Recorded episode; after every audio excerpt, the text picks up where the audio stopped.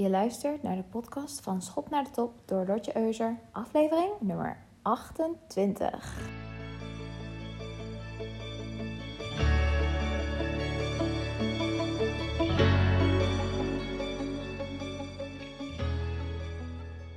Welkom in deze aflevering. Ik ben Lotje Euser, ik ben business coach en ik help ondernemende vrouwen om de top te bereiken. Hoe is het met jullie? Nou, ik zal zeggen, met mij gaat het heel goed. Ik ben momenteel bezig met Dry January. Ja, ik ben ook bezig met die standaard voornemens. En het leek me aardig. Ik heb dit als voornemen genomen om dus in januari niet te drinken. En ja, begrijp me niet verkeerd. Ik ben echt dol op wijn, op champagne of op goede whisky en tequila als ik een low carb dieet volg. Maar ik merk dat als ik heb gedronken, dat op de day after gewoon ja, mijn energie zo laag is. En dat vind ik zonde, want ik hou van het leven. En dat maakte dat ik dacht: oké, ik ga in januari gewoon niet drinken om te kijken hoe dat bevalt en hoe het gaat met mijn energie en hoe ik slaap en dergelijke. En ik was met een klant in gesprek en die zei dat week 3 heel erg lastig voor me ging worden. Nou, ik ben nu in week 2. Nu gaat het nog aardig goed. Um, en dan was ik even op de kalender aan het kijken. En toen zag ik dat deze maand dus niet vier weken heeft, maar vijf weken. Um, dus nou ja, ik heb nog wel wat uitdagingen voor de boeg. Maar tot nu toe vind ik het eigenlijk heel fijn. Ik voel me goed, ik slaap goed. Dus ja, wat willen mensen nog meer? Heerlijk. Afgelopen weekend ben ik naar uh, Antwerpen gegaan voor de verjaardag van een vriendin. En het was zo heerlijk dat ik eigenlijk de Bob kon zijn zonder spijt. Omdat ik gewoon wist waar ik het voor deed. Dus nou, wie weet maak ik hier wel gewoon een gewoonte van. Niet meer drinken.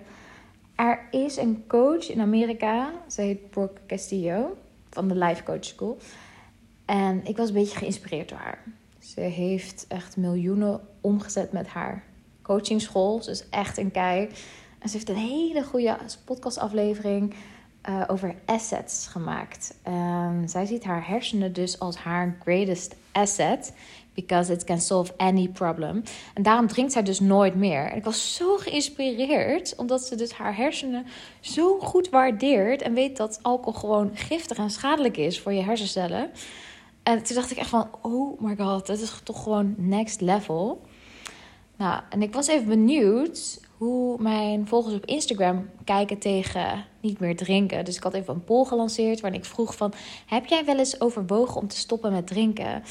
En ik vond de resultaten echt heel verrassend. Namelijk 87% van de stemmers, en dat waren in dit geval 31 mensen, die stemden dat zij ook wel eens overwogen om te stoppen met drinken. Had ik dus echt niet verwacht. Ik had niet verwacht dat zoveel mensen in hun hoofd hebben om ook te overwegen om te stoppen met drinken. Nou, en toen was ik even wat meer gaan verdiepen in topondernemers die niet drinken. En er zijn er trouwens meer van, hè? Want wist je bijvoorbeeld dat Steve Jobs helemaal niet dronk? Nou ja, die was natuurlijk ook vegetariër. En misschien kun je dat je voorstellen dat hij ook niet uh, alcohol dronk. Maar Donald Trump drinkt bijvoorbeeld ook niet. En Warren Buffet ook niet. En ik heb ook even gegoogeld op welke vrouwelijke, bekende vrouwelijke ondernemers uh, dan niet drinken. Maar ik kon er niet heel veel vinden. Dus ik wijkte even uit naar de celebrities.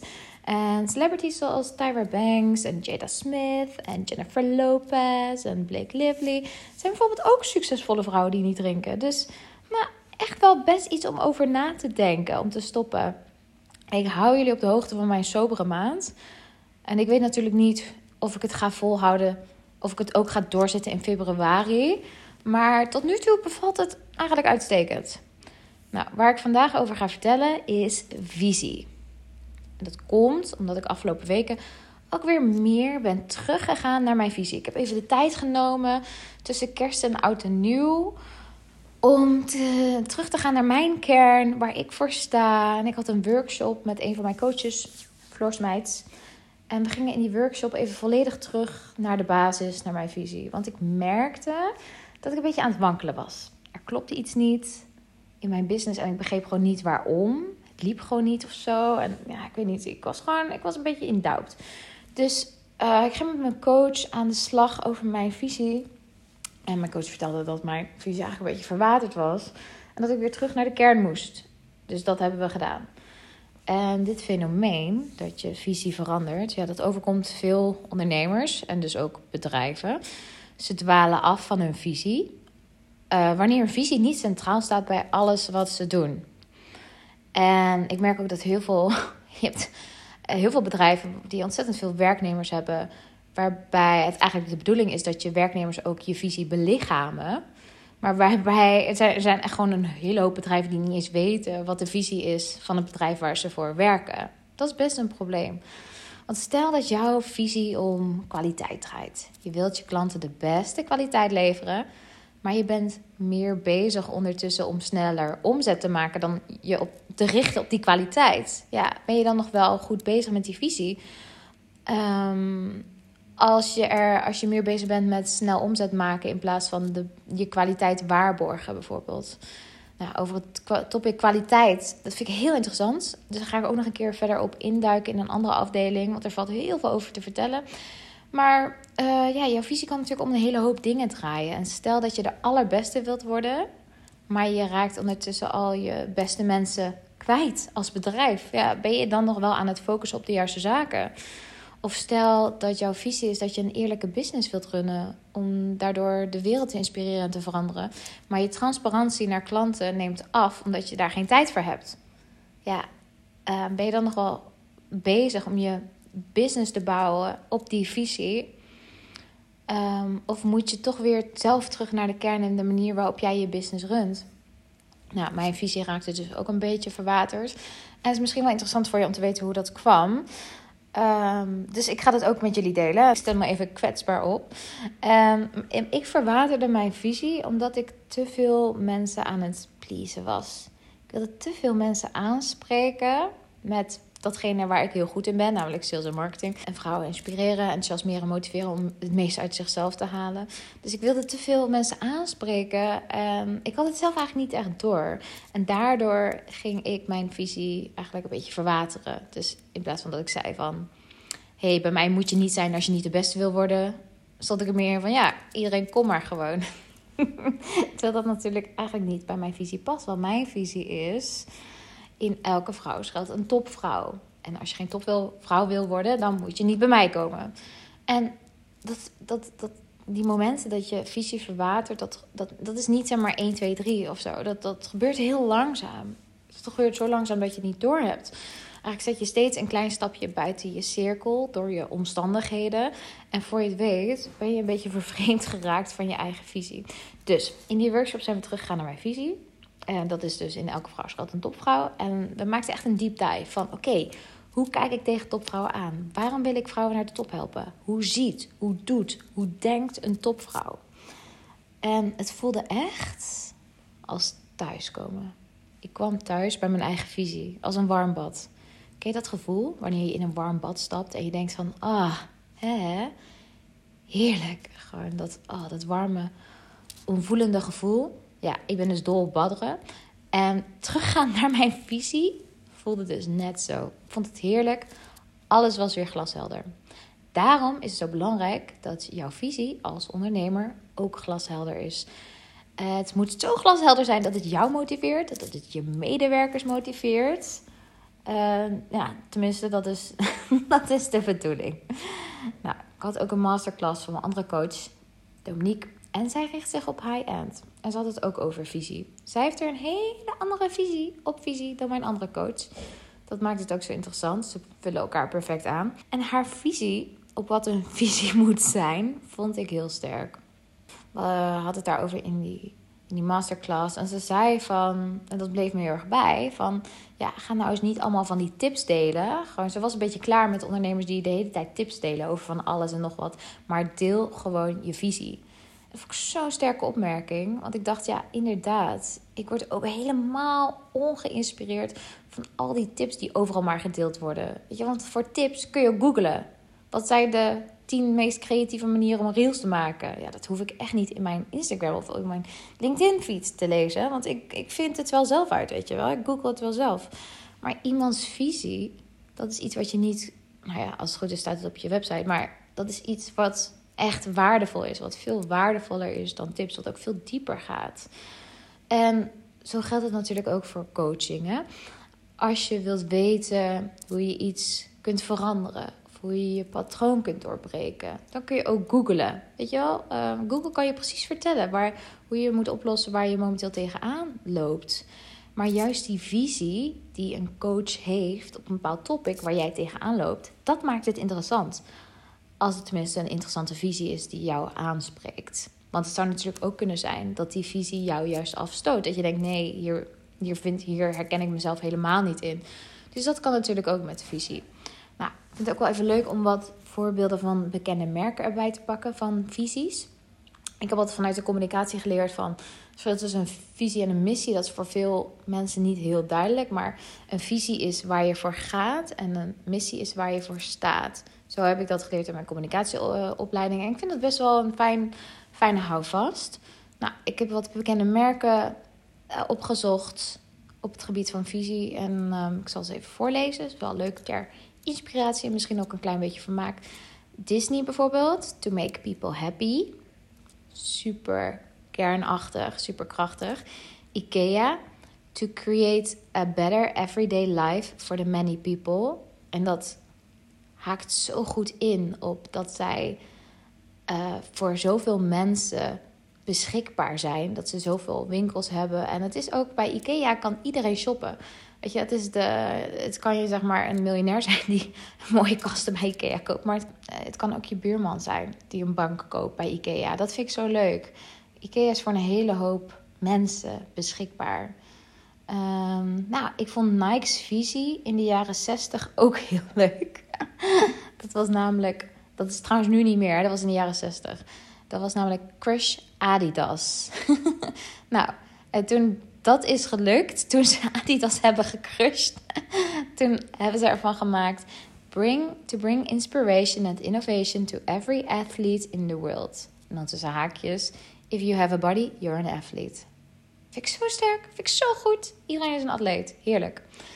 En tenslotte heb ik er nog eentje van Tesla opgezocht. En dat was to accelerate the world's transition to sustainable energy. Mooi. Nou, het zijn vrij generale visies. Hier kun je het niet echt mee eens of oneens zijn. Maar hoe je dit nou uitdraagt en uitlegt aan je klanten, dat maakt het juist interessant. Bijvoorbeeld als we teruggaan naar Nike's visie, to bring inspiration and innovation to every athlete.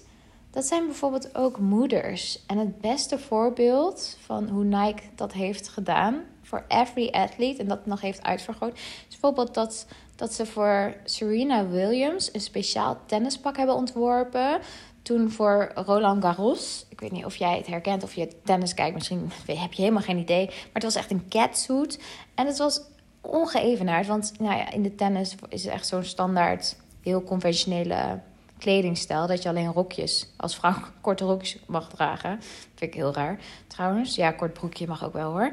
Maar ze had, Nike had voor Serena Williams juist een speciale catsuit um, uitgevonden, uitgemaakt, gedesigned, ontworpen, sorry. En wat was nou zo bijzonder aan, dat, aan die suit? Is dat het een speciale druk uitoefende. Omdat Serena net was bevallen. En ze had meer compressie nodig in haar benen. Omdat nou, als je net bent bevallen, weet je al, je hormonen, alles, je heel je lichaam moet weer eigenlijk terug naar de staat voordat je zwanger was. En vaak hou je dan veel vocht vast en dergelijke. En dat kan heel naar zijn. En daardoor kun je trouwens ook uh, natuurlijk um, spataderen uh, krijgen. Dus ze hadden zo'n speciaal pak gemaakt voor haar. Wat, met, wat druk uit te oefenen. Zodat, zodat dat eigenlijk een soort van als compressiekous werkte. Nou, ik vond het zo gaaf, zo innovatief. En uh, nou, Roland Garros had toen ken, kenbaar gemaakt dat ze het niet accepteerde dat er zulke kleding werd gedragen tijdens tennis. Nou, dat vond ik zo bizar. Vond ik zo, zo, hoe zeg je dat, ouderwets. En toen dacht ik van, nou, kom op, weet je wel, we leven in de 21ste eeuw. En waarom kan het nou zo zijn dat vrouwen alleen maar in korte tennisrokjes, tennisbroekjes mogen tennissen? Weet je wel, dat kon ik gewoon echt niet bij met mijn hoofd. Maar de tenniswereld is nog gewoon echt heel ouderwets. Oké, vond ik even een leuk voorbeeldje van hoe een visie wordt uitgedragen door een merk. En, dus ik wil jou aansporen als je nu luistert en je bent ondernemer. Um, om je visie interessant te maken door de manier waarop je het uitdraagt en wat je ermee doet. ga nou eens niet met de massa mee, maar probeer het nou eens radicaal anders te doen. Op een ja, creatieve manier. Die eigenlijk een soort van head-turning effect heeft.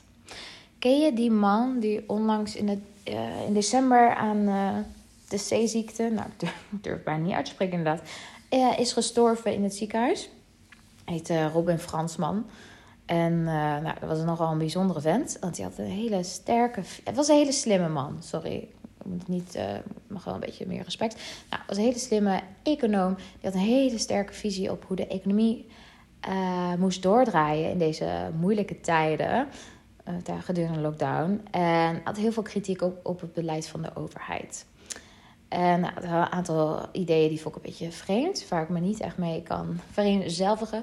Maar hij had ook wel wat goede ideeën. En een van zijn betere ideeën vond ik de afschaffing van het jeugdloon en het verhogen van het minimumloon. Nou, en die Fransman die had dus een hele sterke visie over van alles en nog wat. Maar dit, dit deel van zijn visie vond ik heel sterk.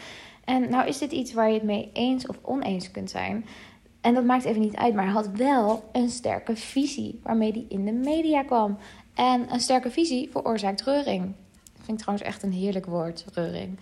En reuring heeft natuurlijk voor's en tegens. Want je krijgt positieve aandacht, maar je krijgt ook een hele stormvloed van negatieve, aan, uh, negatieve aandacht over je heen. En de vraag is: durf je het aan?